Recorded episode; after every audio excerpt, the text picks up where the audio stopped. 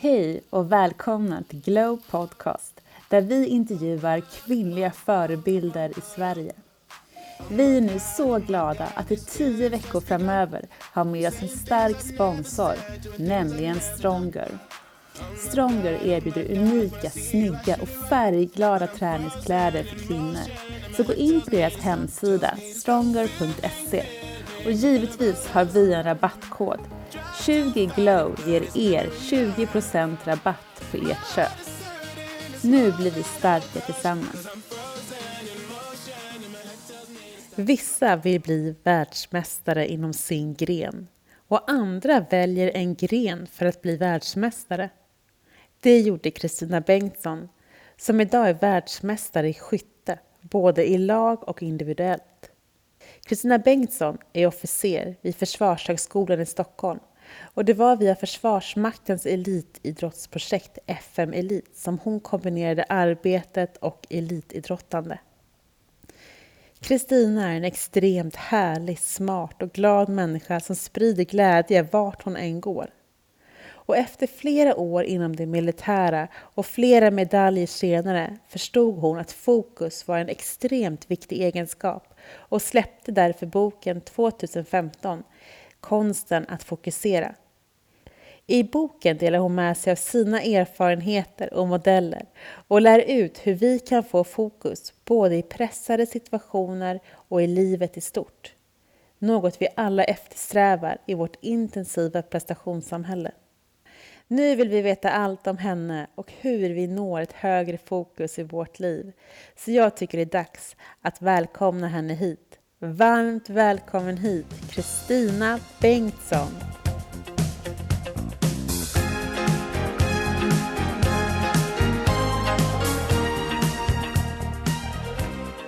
Hej Kristina och varmt välkommen hit! Tack så mycket Maria! Jag brukar göra så att jag brukar checka in tillsammans. Så att min första fråga är då, hur mår du idag på en skala 1 till 6? Där 1 är fruktansvärt och 6 så mår du fantastiskt. Åh, oh, vilken härlig fråga!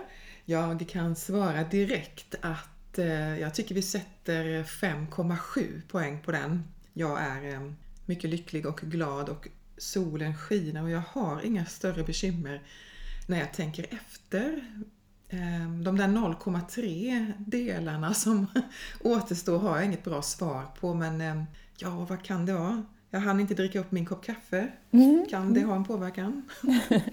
men är du i grunden en positiv och glad person? Ja, det är jag verkligen. Och det känner jag väldigt tydligt ehm, i mig själv. Men jag hör det också från andra. Och ibland har jag också funderat över Eh, eftersom jag skriver och tänker mycket så är jag nog eh, en sådan människa som, som blir kreativ eh, genom en inre glädje och inte genom sorg eller frustration. Folk brukar kunna uttrycka sig via kreativitet antingen via sorg och frustration och någonting som är mörkt och ansträngt men för mig är det nog tvärtom. Jag kan, jag kan liksom gräva ur mitt inre av, av bara gladhet. Eh, det tänker jag ofta på. Och det är ju, det är ju roligt bara det. Mm, men hur lyckas man med det då? Alltså ha, och, och hur lyckas man må så bra? ja, det är en fin fråga. Och jag tänker ju efter innan jag svarar. Eh, jag tror att det är så att människor faktiskt kan ha olika sinneslägen utifrån barndom men också hur en hjärnkonstellation, hjärnstruktur faktiskt ser ut. Man har nog lite olika förutsättningar. Jag tror också att uppväxten kan spela roll. Jag kommer ihåg när jag var, jag är inte säker, men låt säga att jag var åtta år och jag vet att det var någonting som var bekymmersamt hemma i familjen. Inget större bekymmer, men någonting som gjorde att både mamma och pappa och min bror var lite ledsna. Eh, jag var också ledsen men på något vis var jag väl den som stod stabil och eh, var glad mitt i alltihop. Och då vet jag att min mamma ganska berörd sa till mig Tack, de kallar mig för Kina. Tack Kina för att, för att du alltid är så glad. Och så blev hon rörd.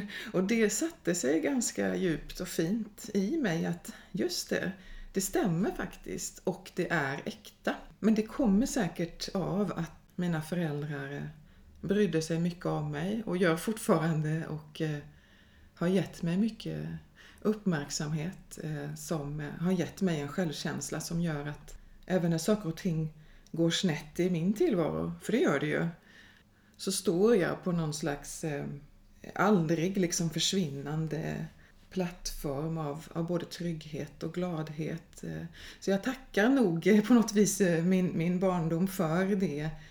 Men sen, sen handlar det också om fokus såklart. Att jag har lärt mig under livet att i, i varje stund våga tänka två sekunder innan man kanske agerar eller reagerar eller tänker något dumt om sig själv eller om andra. Eh, och det har jag blivit bättre och bättre på. Och den förmågan då att kunna motstå impulsen av att börja tänka onödigt negativa tankar, den gör ju att jag i väldigt många stunder har kunnat välja en positiv attityd istället för att liksom fastna i ett negativt mönster. Mm. Men känner du någon gång så här, typ, om du mår lite dåligt, att folk ändå förväntar sig utav dig att du ska vara på bra humör och ge energi?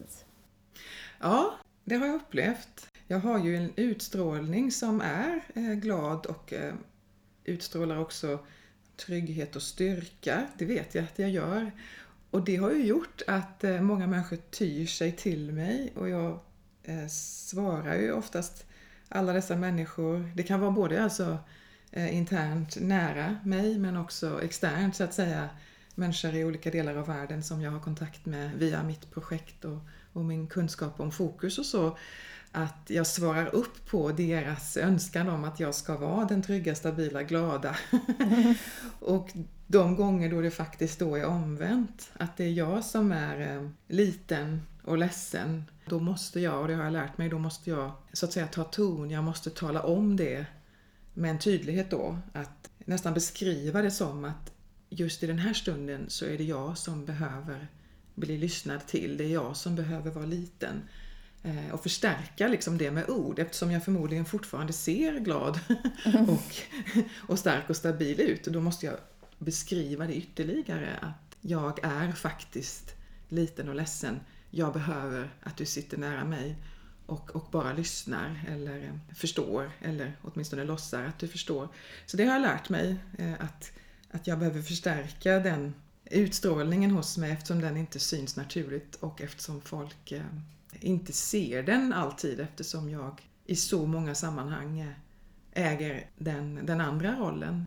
Och det är ganska sällan som jag är nedstämd och liten. Eh, men jag är inte rädd för att vara det. Nej. Är det därför kanske som du inte är det så ofta? Ja, det är en fin reflektion som du har. Det kan det, kan det säkert vara. Jag undviker inte den känslan av att eh, riskera att bli liten och rädd eller mm. att känna mig obetydlig eller meningslös. Alla människor känner så ibland. Mm. Och jag har nog tränats så många gånger i, både genom idrott och det militära och allt annat som jag gett mig på så att säga, genom att, eh, att då ha mött eh, situationer där jag eh, hamnat i en så att säga litenhet eller blivit ledsen. Det sker ju med alla människor. Mm. Jag har lärt mig i de stunderna att det inte är något bekymmer att, att tala om att jag känner mig liten eller obetydlig. Eh, jag, jag har många minnen från exempelvis tiden i Försvarsmakten eh, då det var så ibland att det hade varit fullständigt irrelevant att inte berätta mm. Eh, att det var något jag inte kunde eller att jag kände mig förbisedd eller att jag tyckte att jag var sämre än de andra. Och i de stunder då man faktiskt säger det, ja då visar det sig att nej, så var det ju inte. Det var mm. bara det att jag var bra på, på ett annat sätt. För det där brukar jag också säga liksom, i jobbet. Om man liksom inte vågar tänka helt fel så vågar man inte heller tänka helt rätt. Och jag tror att det där kan ha med känslor också. Om man hela tiden ska liksom ligga på att vara stabil så är det svårt att liksom få ut svängarna däremellan också. Men vi människor är ju så mångfacetterade så det känns så vad ska jag säga, onödigt att bara ligga liksom i, i ett spektra utav det. Ja, det hänger ju ihop med att vi så lätt eh, bryr oss om vad andra tycker och tänker. Och det tror jag har nästan till eskalerat i den digitala eran, att vi, att vi möts hela tiden med eh, en form av bedömning eh, utifrån oss själva, men också då gör att vi lätt bedömer andra. Och då hamnar man ju lätt i, som du beskriver, en form av ett, ett smalt spektra istället för att, som du beskrev, ta ut svängarna och, och vara så kreativ faktiskt att man, att man tänker både rätt och fel och vågar prova det. Mm.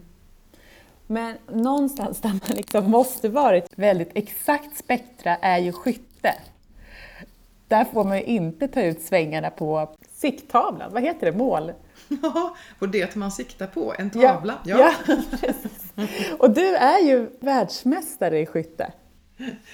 Ja, det är jag. Ehm, men det betyder ju inte att jag har missat den där tavlan få gånger. Eh, jag har ju blivit världsmästare för att jag också är mästare i att misslyckas, så att säga. Ja. Eh, de marginalerna i skyttesporten är ju så extremt små att det går ju knappt på förhand att ens ha en, en favorit i skyttesporten utan ena dagen så, så vann jag men nästa dag så kunde jag ju också hamna återigen på plats 72 liksom. Mm. Och eh, detta lärde jag mig över tid att inte kräva så mycket av mig själv att så att säga min framgång, min självkänsla och mitt självförtroende skulle hänga på huruvida jag sköt tiondelar av en millimeter eh, till höger eller till vänster. Mm. att det skulle hänga på det. För då ökar ju pressen så absurt att man hamnar, precis som du säger, i, i en sån snäv, i ett sånt snävt spektra att eh, vinsten nästan blir omöjlig. Så att man måste någonstans skapa en öppenhet även där. Alltså att, precis som vi uttryckte tidigare, att våga missa tavlan för att eh, i vissa fall ha turen med sig att faktiskt träffa mitt i. Och våga se det som eh, ett spel, ett lotteri, eh, men eh, att ju fler övningar man, man vågar vara med, ju fler gånger man vågar vara med i det här lustiga lotteriet, desto, desto större blir chansen att man någon gång så att säga vinner. Mm. Men jag la ju också värdet i tävlandet någon helt annanstans än att stå på en prispall. Jag lärde mig väldigt tidigt i min skyttekarriär att det är klart att det fanns en annan dimension, en högre dimension, ett djupare värde än det att liksom stå på en prispall. Och att inse det redan innan man ens kliver upp på pallen så att säga, redan innan man ens vinner, är ju eh, redan där en ganska bra förutsättning för att eh, i lugn och ro så att säga kunna kliva upp på pallen. Förstår du hur jag tänker? Mm, absolut. Eh, men jag tänker, jag, jag är också så himla, om vi ska liksom bara backa bandet, hur kom du på att du skulle börja med skytte? För det är ju ganska ovanligt. jag brydde mig egentligen inte så mycket om vilken sport jag skulle syssla med eller vilken sport jag skulle använda för att utmana mig själv. Eller vilken sport jag skulle så att säga utöva för att eh, bli per definition då bäst i världen. För det var det jag hade bestämt mig för att eh, Jaha, här sitter jag, här står jag med en mängd olika förmågor och kvaliteter och en väldig energi. Ehm, och samtidigt en hög grad av tålamod och lugn och sans och skärpa. Och jag kände, vad ska jag göra av alla dessa förmågor och kvaliteter? Jo, jag visste inte bättre då än att Jaha, då får vi väl satsa på en sport då och bli bäst i världen på detta. Men vad härligt ändå att sitta där. Det här kan man ju önska alla. Att man ska sitta så här, gud jag har så mycket förmågor, jag ska bli världsmästare. Ja, och det intressanta är ju, tycker jag, ehm, det är inte säkert att alla tycker likt, men eh, nu talar jag utifrån efter min erfarenhet här att det intressanta är ju att vi i den här kulturen som vi lever har vant oss vid att det största man kan uppnå är en världsmästartitel. Och det var det jag också trodde när jag då var 22-23 år och bestämde mig för att jaha, då ska jag bli världsmästare i en sport. Får vi se mm. vilken vi ska välja. Ehm, att, att jag i, i den resan sen ganska tidigt då lägger märke till att nej men att bli världsmästare, att bli bäst i bemärkelsen bättre än andra, det är ju egentligen en förlegad filosofi. För att den gör ju då att man hela tiden jämför sig med andra i någon slags färdigskapad konstellation som vi kallar sport. Mm. Men det finns ju så mycket mer. Det finns så mycket mer att utveckla i sig själv om man också vågar se bortom den, den strukturen, det snäva tänket av att bli bäst i bemärkelsen bättre än andra. Men då när jag var 22-23 då visste ju inte jag något annat utan då var det liksom ordet, uttrycket bäst i världen och världsmästare stå på en prispall som jag då strävade efter. Ehm, med utgångspunkt i att jag kände att, som du uttryckte, att här sitter jag med så många förmågor, vad ska vi göra av alla dessa? Mm. Men från då tanke till verklighet. För du, mm. det var ju så att du satt ju där, du kände det här och du, du lyckades ju också. Ja, det gjorde jag per definition.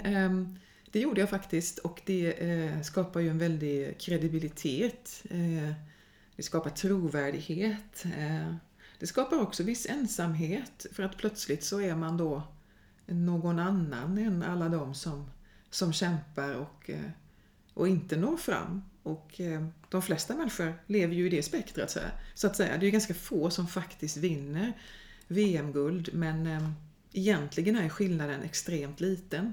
I, i den, här, den här sporten handlar det då bara om, om marginaler men också det att de sju, åtta år det tog för mig att bli världsmästare, det är i och för sig ganska kort tid egentligen, men eh, under alla de åren så mötte jag ju enorma eh, motstånd och förluster och jag tvivlade och jag undrade, vad är hela friden människa har du gett dig in på? Varför Kristina satsar på den här fruktansvärt tråkiga, ibland meningslösa sporten och tvingar dig själv att stå och stirra på en prick 50 meter bort.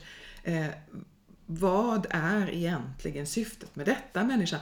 Och det tvingades jag ju att eh, resonera med mig själv kring. Och jag minns, om vi plockar in mamma i bilden igen, jag minns att jag hade varit på skyttetävling lokalt. Och jag kom väl sist förmodligen. Jag sköt väl bort mig som vanligt. Och jag cyklar hem och så sätter jag mig i trädgården. Och så kommer mamma och undrar varför jag är så ledsen. Och så ska jag då förklara att det här är fullständigt meningslöst. Och, och jag var så ledsen så att jag, tårarna rann och hon började gråta igen.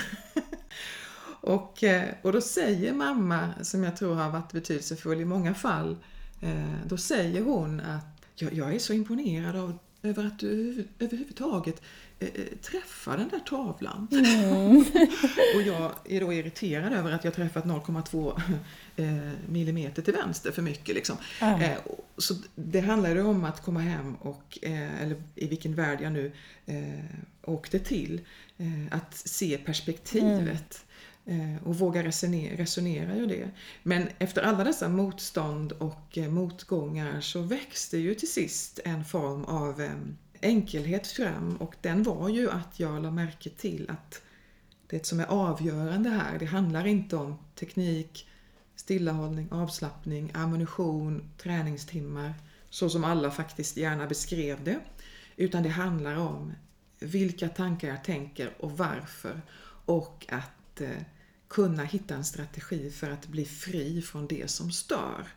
Och det är en form av eh, kärna i, i sammanhanget. Ehm. Och det är ju så himla intressant. Eh, för det här vet man ju själv att liksom, fel tankar kan ju förstöra så mycket. Och det är ju ingenting som syns heller på utsidan. Utan det är någonting som bara liksom finns, finns inne i huvudet. Hur, hur blir man fri från det? Liksom, vad, hur, vad lärde du dig av det? Ja, först och främst, man blir aldrig helt fri från sina egna tankar. Det vore nog... Eh, då blir man robot ju. Ja, det vore nog ett ganska trist liv på sätt och vis. För de tankarna behövs och de kan ju vara flera tusen i bara korta sekvenser ibland. Eh, men att överhuvudtaget börja tänka i de banor som att Eh, vilka är de här tankarna som stör mig och vilka stör mig inte? Eh, det är inte så ofta vi ens resonerar med oss själva kring vilka tankar vi tänker och varför. Mm. Men redan där kan man komma ett litet steg framåt. Att helt enkelt börja identifiera, kanske till och med skriva ner, eh, vilka tankar som stör Och jag lärde mig också, och det är en sån typisk händelse i min skyttekarriär som många har, har, har tyckt väldigt mycket om. Det är ju när jag beskriver i en VM-guldsituation att jag har oerhört många störande, oroande, till och med negativa tankar som gärna då ligger framåt i tid.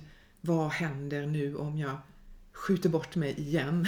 Mm. Vad säger nu coachen om jag misslyckas här igen? Eller till och med i positiv bemärkelse, vad ska jag nu säga när jag ringer hem och berättar att jag faktiskt vann?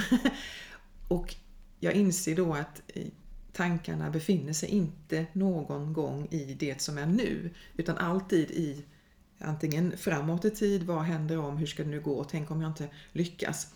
Eller bakåt i tid, eh, varför lyckas jag inte få skotten mer i mitten eller jag kanske borde ha tränat mer och varför sa jag inte sådär? Kanske någonting man skäms över att man inte hade tid att lyssna på en annan eh, lagkamrat. Allting sånt där kan ju komma upp i en stressad situation. Skam, oro, eh, rädsla, eh, litenhet, eh, allt det där. Och då är det så lätt att man bara hafsar iväg det man sysslar med för att nästan fly från situationen. Mm. Och så tänkte jag också att skulle jag kunna stuka foten här kanske så jag kan gå ifrån och liksom slippa mm. avfyra sista skottet. Eh, sådana där konstiga tankar kan komma trots att man då är så duktig. Men då insåg jag att eh, om jag lägger min fulla uppmärksamhet på, i det här fallet var det ett litet löv som jag hittade, så är det ju så enkelt i stora drag att hjärnan kan bara fokusera på en sak åt gången. Och när jag då tittar på det här lilla lövet eh, så i den sekunden så hjälper ju lövet mig att bli fri från de andra tankarna. Mm. Så att, att våga växla i så att säga, fokus på det viset genom att lägga sin uppmärksamhet på något helt neutralt. Något som inte skapar oro, känslor, tankar, inte ens glädje kanske, utan bara något helt neutralt. Så gjorde ju det att jag då blev fri från tankar som störde, bara för en liten stund. Eh, och det räckte för att jag då i en kort stund fungerade precis så som jag var tränad till och fick ett lugn, eh, en självkänsla och eh, återtog den skickligheten som jag faktiskt hade tränat mig upp till. Mm. Och när vi tänker på det här lövet då, när du fokuserar på det, tänker du då färg, form, struktur eller ser du bara lövet? Alltså hur ingående går du där för att rensa tankar? Ja, vilken fin fråga. Jo, men jag ser många detaljer, det gör jag. Men det jag också ser, eh, Eh, och nu tänker jag på den situationen, det är ju att jag ser, eh, jag känner eh, ett uns av tacksamhet. För att i och med att den här bilden av lövet slår bort så väldigt många av de där andra grubblande tankarna så hamnar jag också i, i en ganska direkt koppling till mitt inre, till min inre, inre identitet, till min inre kärna, till den jag verkligen är. Och om man då har haft ett någorlunda trevligt liv, då uppstår ju tacksamhet för det som finns eh, och inte ett jagande efter det som inte finns eller det man inte har. Och jag tror att en känsla av tacksamhet är den allra bästa känslan man kan ha när man ska både topprestera men också bara fungera allmänt bra i vardagen. För den känslan är så, den är så mäktig och den, eh, den slår ut så väldigt mycket annat trams och irrelevanta känslor och, och tankar. Så att det man kan säga så att när negativa tankar kommer så fokuserar du på någonting som är ett löv eller något, något som bara finns där liksom, för att neutralisera hjärnan igen, känna tacksamhet och få sen utifrån det fokus på det du ska göra. Ja, det är bra beskrivet. Och det kan ju finnas andra metoder så att säga också.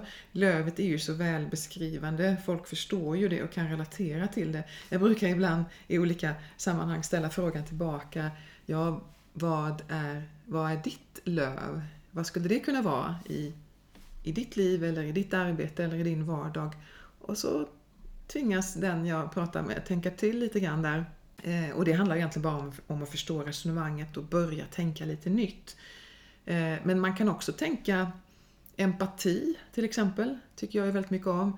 Eh, om du tänker dig att du är i samtal med en annan människa och eh, som vanligt då tänker vi ofta ganska egoistiska tankar och vi är tillbaks i det där som jag beskrev från skyttematchen att just det, nu måste jag komma ihåg vad jag ska säga och glöm nu inte det och undra hur jag sitter här hur ser jag ut och vad tycker den andra människan om mig, människan om mig och sådär. Eh, och så glömmer vi återigen att bara vara eh, egentligen närvarande och se den andra människan. Vi fylls av eh, irrelevanta, eh, grubblande tankar istället. Tänk dig då att du har ju faktiskt svårt att känna eh, inför en annan människa både irritation och empati samtidigt. Det, det, funkar inte riktigt om man tänker efter. Och det är ju ett sätt att beskriva att du kan använda empati för att helt enkelt eh, eh nå fokus och nå närvaro. Eh, empati, att tänka då på den andra människan istället för på vad du måste få sagt, mm. eh, gör ju att empatin får samma effekt som lövet fick i, i en situation som, som jag nyss beskrev.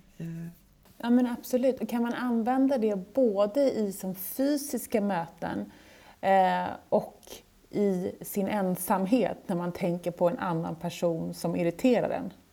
För ibland så känns det som att konflikter kan kan uppstå efter ett möte eller innan ett möte. Ja, och eh, det finns ju mycket psykologi i detta och man får vara försiktig med så att inte allting låter för enkelt. Mm. Men eh, man ska inte vara rädd för att göra det enkelt, för det är precis det som faktiskt kan hjälpa. Ja, jag tror att i första hand, ska, vi ska inte vara rädda för de tankar och känslor som kommer. De ska man liksom bejaka, eh, titta på lite grann om man nu hade kunnat göra det. Konstatera att de finns där. De kanske till och med stör. Eh, bra, då har vi konstaterat det.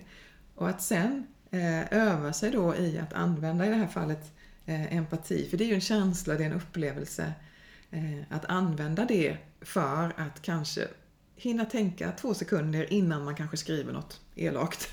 Eller innan man kanske börjar tänka alldeles för för elakt om sig själv. För ofta är det ju så att eh, vi känner kanske irritation för någon just för att eh, den personen i fråga förstärkte eller la märke till eh, tillkortakommanden som man har. Eh, och då blir man irriterad. Eh, men egentligen kanske det bara handlar om att, eh, att konstatera det, att erkänna det. Man kanske själv har gjort fel. Mm. så enkelt kan det ju vara. Eller så är man bara på olika våglängder. Eller så tycker man bara olika saker. Men just det där att det ofta handlar om oro eller rädd för att inte bli sedd eller rädd för att inte prestera tillräckligt bra eller rädd för att inte uppfattas tillräckligt kunnig på arbetsplatsen till exempel.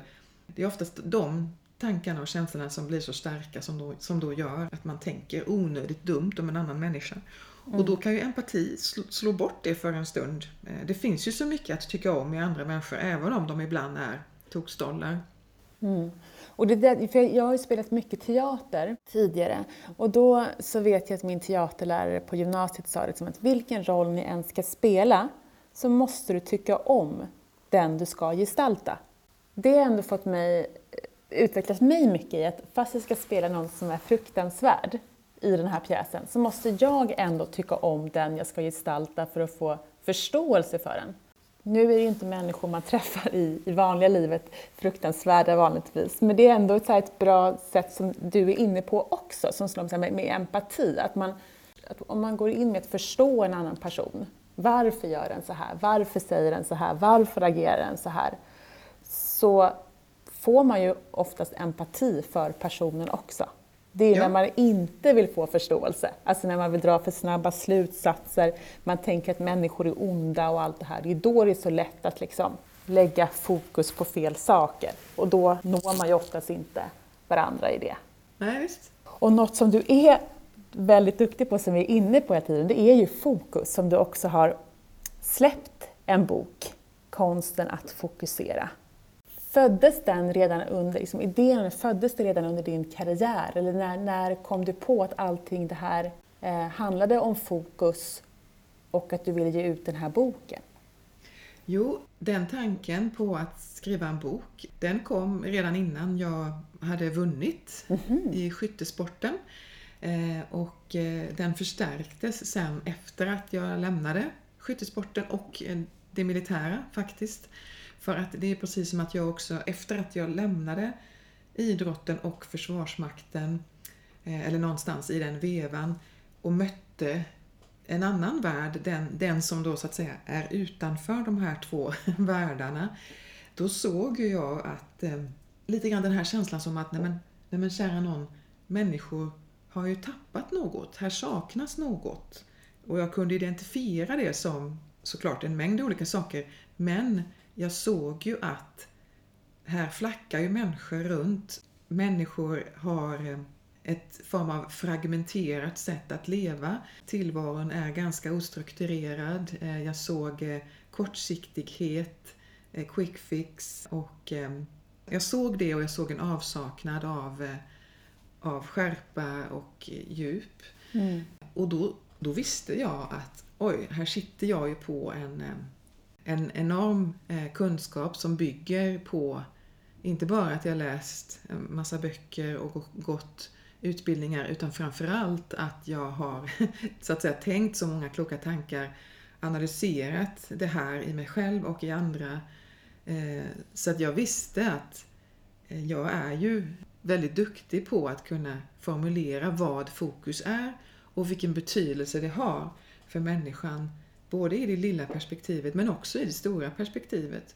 Och ju fler människor som kan förstå värdet av fokus, desto eh, större möjlighet har ju vi som, som människor gemensamt och som samhälle i stort att, att styra oss själva i rätt riktning, ignorera det som är irrelevant och eh, närma oss vårt inre på ett sunt sätt så att vi också lär oss att, eh, att säga nej, att eh, motstå impulser och att kunna fungera i det samhälle som vi har idag med så mycket inputs och så mycket informationsöverflöd och en uppmärksamhetsindustri som fångar vår uppmärksamhet hela tiden. Då krävs det ju att vi människor vet vad fokus är, kan nyttja det och eh, det behövs också för att vi ska kunna fungera tror jag som, som mänsklighet över tid. Mm. För just nu är det ju ganska mycket, ganska mycket fragmentation som, som finns omkring oss hela tiden. Och inte då bara omkring oss utan också i oss. Eh, så att skriva den boken var en självklarhet och eh, det är ju inte den första boken jag kommer att skriva om det här ämnet. Nej, men jag tänkte typ så här, vad är skillnaden mellan fokus, närvaro och koncentration? Mm, det är en jätterelevant fråga. Eh, fokus och närvaro och koncentration hänger väldigt, väldigt väl ihop. Och jag vill vara tydlig med att det finns ju definitioner ur ett forskningsperspektiv som beskriver särskilt då koncentration. Det finns olika nivåer av koncentration. Men det är inte så många som beskriver fokus eh, på ett eh, vetenskapligt plan. Så jag väljer, jag väljer att använda ordet fokus som ett samlat begrepp, men utifrån min erfarenhet väldigt mycket. Att vara fullt närvarande är ju på sätt och vis att vara fokuserad. Eh, att vara extremt koncentrerad är också att vara fokuserad. Men det är lätt att det blir en besatthet. Eh, det är också lätt att eh, man bara ser fokus i det korta perspektivet. Koncentration är ju att vara fokuserad i det korta perspektivet. Men fokus kan ju också fungera över tid. Så om du tänker dig att du är riktigt koncentrerad och har närvaro i en stund ehm, och lyckas med det väldigt många gånger i tillvaron, ja, då har du också större förmåga att nå fokus över tid. Mm, absolut. Det som jag tänker, typ om man kommer in i när, när man jobbar till exempel så helt plötsligt så bara försvinner tre timmar. Man sitter med en uppgift och sen så tittar man på klockan och så bara, men gud nu har det gått tre timmar. Är, är, det, är det det som är liksom att, att hålla fokus på det? Eller är det liksom om man har ett möte, att man hela tiden håller sig till dagordningen, alltså det som mötet är till för? Ja, jag skulle vilja återigen beskriva det så här, vad är fokus? Jo, men fokus handlar ju om att eh, ignorera det som är irrelevant. Mm. för att göra det tydligt. Eh, och om du då upplever att du har tre timmar under din arbetsdag som du är eh, i ett läge då du nästan inte tänker på något annat än det du, det du var, var menad att göra, då är du nästan snarare i flow.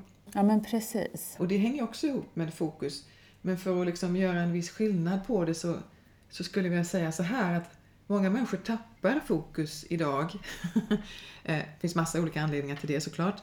Men många tappar också fokus för att de ställer för högt krav på sig själva vad gäller fokus. De kanske strävar efter de här, som du beskrev, de här tre timmarna med, med flow egentligen. Strävar efter det och tror att de inte har fokus för att de inte upplever det. Men då skulle jag vilja säga så här att om du kan ha skärpa, fokus eller flow eller koncentration eller vad vi nu väljer att, att kalla det under exempelvis fem minuter. Eh, vilket då betyder att du under de fem minuterna lyckas eh, ignorera det som är relevant. Eh, att du lyckas att inte hoppa på alla de impulser som lätt eh, finns där. Eh, inte låter digitala plattformar fånga din uppmärksamhet utan du känner att du är både närvarande, koncentrerad och kanske har flow. Mm. ja, visst, då har, du, då har du fokus där och då. Och det räcker oftast. För om vi börjar jaga efter att vi ska eftersträva och måste uppleva flow och väldigt hög grad av koncentration för ofta, då blir ju det ett krav. Och om man börjar försöka bli fokuserad, då blir man inte fokuserad. Mm. Det kommer ju på något vis naturligt eh, genom att eh, ta bort det som stör. Alltså man tänker sig att nu känner jag mig jätteofokuserad, då är det bättre att tänka på ett löv än att tänka på att nu måste jag bli fokuserad. Ja, faktiskt. Sänka kraven. Och det handlar ju egentligen om värderingar och ett sinnestillstånd. Jag kanske har en idé också om att när vi lyfter resonemanget kring fokus och vilket värde det har så är det inte, som vi gärna tror då, enbart att det handlar om att prestera på topp eh, eller att vara extremt närvarande eller att vara, ta dig så snabbt du kan från A till B. För det är det vi gärna tror. Det är det folk hör av sig till mig från hela världen när de behöver fokus. Då tror de att fokus handlar om oftast de här tre delarna. Mm. Men egentligen vill jag ju få fram att fokus är så mycket mer. Det innefattar förmågan att lyssna, att lära, att känna empati, eh, ja, att kunna vara närvarande är en del av det. Ehm, och att kunna styra sig själv och kanske sin organisation eller det man gör i rätt riktning. Och jag tror börjar man där så kommer man ju en viss, en viss bit på väg eftersom fokus har alltid varit viktigt. Eh, och vi tänker gärna på det som någon form av topprestation och en idrottare som är extremt koncentrerad. Men många gånger när man ser exempelvis en idrottare, det skulle kunna, det skulle kunna vara en, en politiker som intervjuas i, i, i TV-skärmen så att säga, och så säger reportern att oj, han eller hon ser så enormt fokuserad ut. Eh, men ofta är det ju då det vi ser mm, ett sammanbitet ansikte på idrottsplatsen eller i, i TV-skärmen in efter ett eh, två dagars eh, förhandlingsmöte inom politiken till exempel. Det vi då ser, det kanske egentligen är en människa som kämpar för att bli fri från eh, nervösa tankar. Precis. Så det är inte säkert att det är så att säga den, den egentliga fokusen som, som gör människan mer avslappnad och bättre utan det kanske är ett kämpande som vi ibland ser. Och där är det lite då för att man som då åskådare vill snabbt sätta den personen man ser i... Eh, att man vill göra en snabb liksom, ska säga, analys av den personen man ser. Och hade åskådaren då varit mer fokuserad så hade den kanske sett någonting annat än den slutsatsen som den drog. Ja, visst. Jag tror att vi som samhälle har under ganska lång tid, jag ska inte säga att det är en diskurs, det, det, det har jag inte rätt mandat att säga, men, men lite åt det hållet att vi har i det här prestationssamhället som vi befinner oss i, i allra högsta grad pågående just nu, så har ju fokus fått den eh, bilden av att vara någonting som, eh, som hänger ihop med topprestation hela tiden. Men om alla människor kämpar för att topprestera hela tiden, ja då, då blir folk ännu mer utbrända. Då får vi ännu mer psykisk ohälsa. Mm. och då, då kanske vi blir, i det kortsiktiga perspektivet, ännu mer effektiva och produktiva. Men jag ställer ju hellre frågan, är det inte så att vi kanske har nått taket så att säga vad gäller produktivitet och effektivitet och kanske till och med eh, topprestation. Eh, vi är väldigt många som är väldigt duktiga på att vara både produktiva och skärpa oss när det gäller och att då prestera på, på topp. Men är det det som för en människas eh, välmående och, eh, och riktning i det längre perspektivet åt rätt håll? Det är ju inte säkert.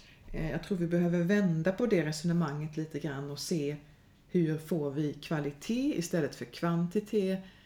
Hur får vi självkänsla istället för att jaga efter att bli ännu bättre och därmed plocka oss ur den, den förmåga som vi egentligen redan har. Hur får vi samhället i sig att bli mindre fragmenterat? Mm. Jo, vi måste ju skapa så att säga förutsättningar för att människor hemma och i, i sina organisationer ska få utrymme att hinna tänka efter, att reflektera, att hinna möta sig själv, att ge sig själv uppmärksamhet, att respektera sin egen uppmärksamhet och kunna klara av att säga nej till allt det som pockar på och därigenom också kunna respektera andras uppmärksamhet. Mm. Och vad, vad, vad tror du vinsterna skulle bli om vi börjar tänka mer så som du beskriver? Jag tror att vinsterna skulle bli fler människor som känner ett ett större lugn och en större tillfredsställelse för det som är.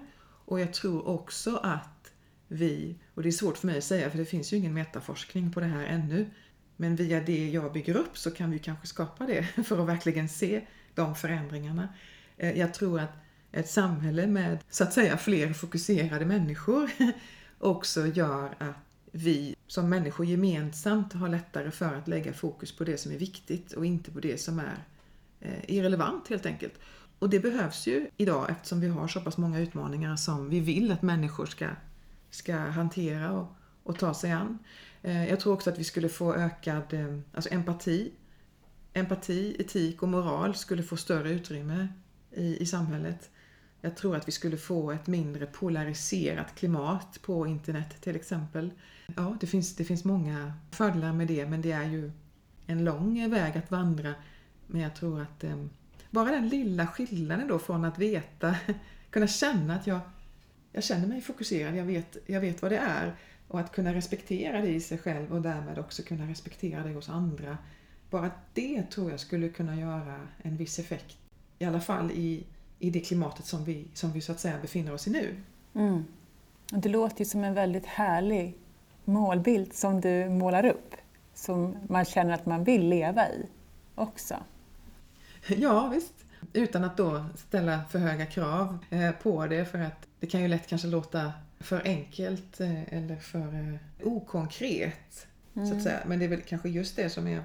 Vi har ju så många trender vi har, som är viktiga. Det är yoga och det är mindfulness och det är meditation, alla möjliga trender. Och de är ju inte bara nypåfunna, de har ju funnits väldigt länge. De har, de har alltid varit viktiga. Och kanske nu har de fått ännu större viktighet då för att människor faktiskt söker någonting och så fastnar man i de, i de här olika möjligheterna. Eh, jag tror att begreppet fokus tar ett helhetsperspektiv och så som jag önskar, i alla fall utifrån så som jag arbetar, så önskar jag också att det får en mera konkret eh, bild av, av vad fokus är. Mm. Vilka värderingar ligger till grund för ett sinne i fokus. Och hur kan vi skapa arbetsplatser och miljöer där de här värderingarna får plats. Så att vi hjälper människorna att få jobba med sitt fokus. Eh, för jag, jag, tror att det behövs. Eh, det kanske krävs något ytterligare än att eh, lära sig så att säga meditera varje morgon. Jag gör inte det till exempel, men det är nog för att jag stått och stirrat på en skyttetavla flera timmar. Mm. Så jag har det kanske i mig. Men ibland ser jag att lösningen är ju inte bara det. Vi måste skapa förändringar både på djupet, i mikroperspektivet, men också i makroperspektivet så att säga, på en samhällsmässig nivå. Och om man tänker då typ, man kan, måste ju först jobba med sig själv givetvis för att hitta fokus och ja. hitta vad som är viktigt och vad som är relevant. Men jag tänker också när man är på en arbetsplats så möter man ju ofta att organisationen fokuserar på fel saker. organisationen ska nå det här målet, men fokus ligger liksom på andra saker. Det kan vara kaffet som inte smakar bra, eller det kan vara skitsnack, eller det kan vara olika. Liksom. Hur får man en... Om man ska få in det här på våra arbetsplatser, hur ska man då jobba för att människor ska få rätt fokus som leder bolaget till det liksom långsiktiga målet eller visionen? Ja, eh, det handlar ju om, eh, då får man ta in fler parametrar än bara ordet fokus så att säga. För när jag hör dig beskriva det så här, det är väldigt väl, välbeskrivet, säkert mm. väldigt klassiskt också, ofta förekommande, så ser man ju att eh, ja, vi måste ju acceptera att människan är en sådan enkel varelse att vi, att vi lätt fastnar vid att kaffeautomaten inte fungerar eller att någon sa någonting olämpligt i fikarummet och sen är det någon som går och irriterar sig över detta den närmsta veckan. Mm. och så glömmer alla vad det var de egentligen skulle göra på arbetsplatsen. Varför gör vi det vi gör? så att säga. Och då kommer ju motivation in i bilden. Eh, hur får man människor att, gärna gemensamt, hitta en gemensam då motivation mot det här målet. Och jag skulle vilja börja med att, eh, om jag ska ge ett tips så att säga, det är väldigt enkelt, men jag har sett i bolag och på arbetsplatser att oftast är ju visionen, eh, eller målet, eh, jag kallar det för vision just nu då, för eh, långt bort, antingen i tid eller för abstrakt kopplat kanske oftast till, den, den, till ledningsgruppen till exempel men ramlar inte ner på konkret nivå. Och då är det ju lätt att man fastnar i något annat än, än dit som man faktiskt strävar efter. Men man ska inte heller tro, tänker jag, som företagsledare till exempel, att man kan motivera människor så till den grad att alla varje dag går till jobbet och har en väldig motivation om att nu ska vi sträva mot det här och det här målet och så är det oftast då vinst, vinstdrivande mål kanske. Människan är ju så egen eh, i sitt sätt att alla människor har ju oftast eh, något annat mål någonstans där inne i sig själv. Som många kanske ibland till och med skäms för. Ibland kanske det räcker, de kanske tycker att det räcker att de får lön för mödan och så är det inte mer med det. Men de kan ändå vara oerhört konstruktiva på arbetsplatsen. Eller så är det någon som ställer ett väldigt, väldigt högt krav på att få vara just kreativ och få vara med och få tänka till. Så det krävs ju att, ganska mycket i att skapa en struktur där alla känner motivation. Det tror jag är lite grann för högt ställt mål. Men däremot så tror jag man kan lägga in värderingarna kopplade då till fokus. Att ge människor lite mer tid, lite mer luft i scheman. Vilket i sin tur ger arbetstagarna, människorna, utrymme att reflektera. För nu lever vi ju i en tillfällig, eller i en, i en vardag där, där jobb och eh, arbete sys ihop så att säga. Och det är inte så att vi kommer till en arbetsplats och blir ofokuserade utan vi är ju ofokuserade. Så att människor har inte så mycket tid hemma heller att reflektera, att nå sig själv på djupet. Utan det blir ju ganska flyktigt hela tiden. Eh, och då är det inte så lätt, om en människa inte har nått så att säga, eller ges tillfälle att reflektera på djupet och nå sin inre kärna, eh, sin inre identitet, ja då är det inte lätt att styra en sådan människa mot en, en viss riktning. Eh, så jag tror vi behöver skapa en struktur där människor ges mer tid, tid att reflektera och tid att lyssna. Både på sig själv men också på andra eh, för när människor känner sig hörda och känner sig sedda, då är eh, chansen att de slutar att fokusera på massa irrelevant brus större. Mm. För då hamnar, de lättare i ett läge där man är, man är nöjd, man känner sig sedd. Då försvinner lättare de där tankarna på eh, allt det där som då är irrelevant och oftast eh, kopplat till att man inte känner sig bra nog. Mm. Förstår du hur jag tänker? Absolut. Så det du säger egentligen som, med allt det här som har med fokus att göra är att vi måste dra ner lite på takten. Vi måste liksom landa i det vi är och våga vara där för att kunna ge oss utrymme till att se det vi ska fokusera på. Ja, och kunna känna det på djupet. Mm. Och där tillkommer då, vad är det vi måste göra då för att nå det där? Jo, vi måste plocka bort. Mm. Vi måste säga nej, vi måste bestämma vad det är vi inte ska göra. Och det är väldigt mycket som man både som människa men också som organisation eller bolag faktiskt kan, om man skärper till sig, Eh, kan bestämma att man inte ska göra. Trots att det är väldigt mycket som pockar på och många krav och alla olika eh, utredningar och eh, planer som måste göras och ska levereras så finns det alltid någonting man inte behöver göra och det ska identifieras minst med lika stor energi eller entusiasm som det som man då känner att man måste göra. Mm. Och jag tänker bara på en metafor, så får vi se om ni tycker den här funkar. Men jag har tre barn. Mina två första barn, deras barnrum var fyllda med leksaker. De hade liksom leksaker från golv till tak. Det var ärvda leksaker, det var nyinköpta leksaker, men de lekte inte med en enda leksak. Vårt tredje barn, där, köpte vi, där har vi väldigt få leksaker i hennes rum. Och hon är den första som verkligen uppskattar sina leksaker och leker med dem, för att hon ser dem. Ja, det är en jättebra metafor och det får mig att tänka på den här har ni kanske hört förut, mm. som det heter. Men jag tycker den är så fin. Och här tänker ju våra barn likt någonstans och det ska vi ju använda oss utav. Mm. Där kan vi ju, tror jag, som vuxna lära av barnen. Jag tänker på mitt barn, Kristoffer. Och det var inte så länge sedan, han kanske var sex eller sju år. Vi går in på ett stort köpcentra och så håller han mig i handen. Han går ganska sakta, han är autist, han tar tid på sig mm. och reflekterar ju faktiskt väldigt mycket. Han är fokuserad tror jag man kan säga. Mm. Och så tittar han runt omkring sig och jag stannar till och han håller mig i armen och sen så tittar han upp på alla dessa saker som finns och allt man då ser i, den här stora, i det här stora köpcentret. Alldeles överväldigad. Ögonen var jättestora. Och så säger han Mamma, titta, se! Se så mycket vi inte behöver. Nej. Den är ju briljant! ja, verkligen! Mm. Ja. Och jag tänker att där får vi avsluta intervjun, för vi har två sekvenser kvar som vi ska gå vidare med.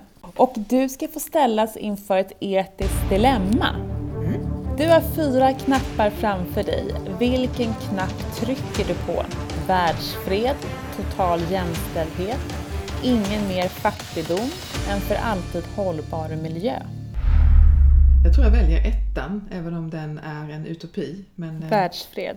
Ja, skulle man lyckas med det, vilket jag som militär eh, tror är mycket, mycket, mycket, mycket svårt.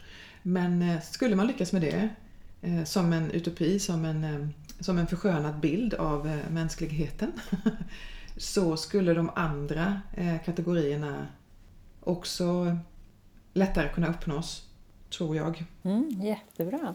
Och då är det sista och då är det grillen. Snabba frågor med snabba svar. Och då fråga ett. När är du ofokuserad? eh, på morgonen. Fram till klockan? Fram tills jag har fått frukost. Ingen ordning alls. Jätteglad men, eh, men längtar efter frukost. Mm.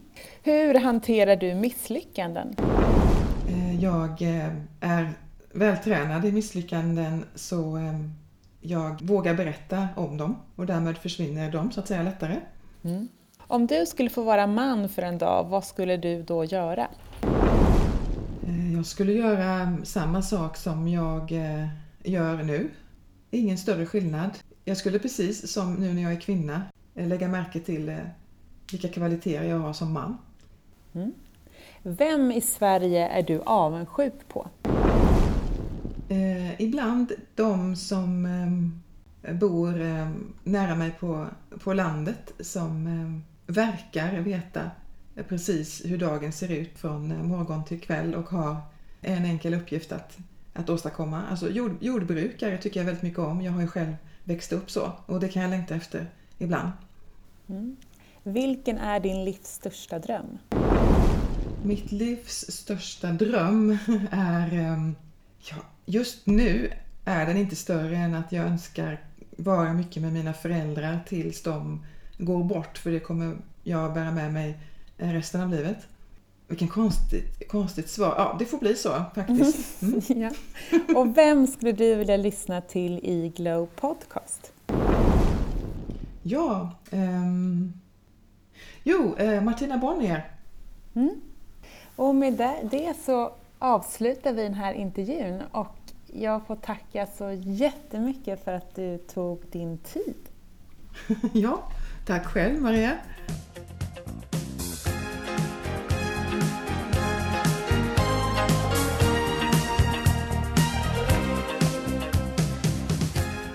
Det var allt från intervjun med Kristina Bengtsson och jag hoppas att ni genom de här modellerna och tipsen kan nå ett högre fokus i ert liv.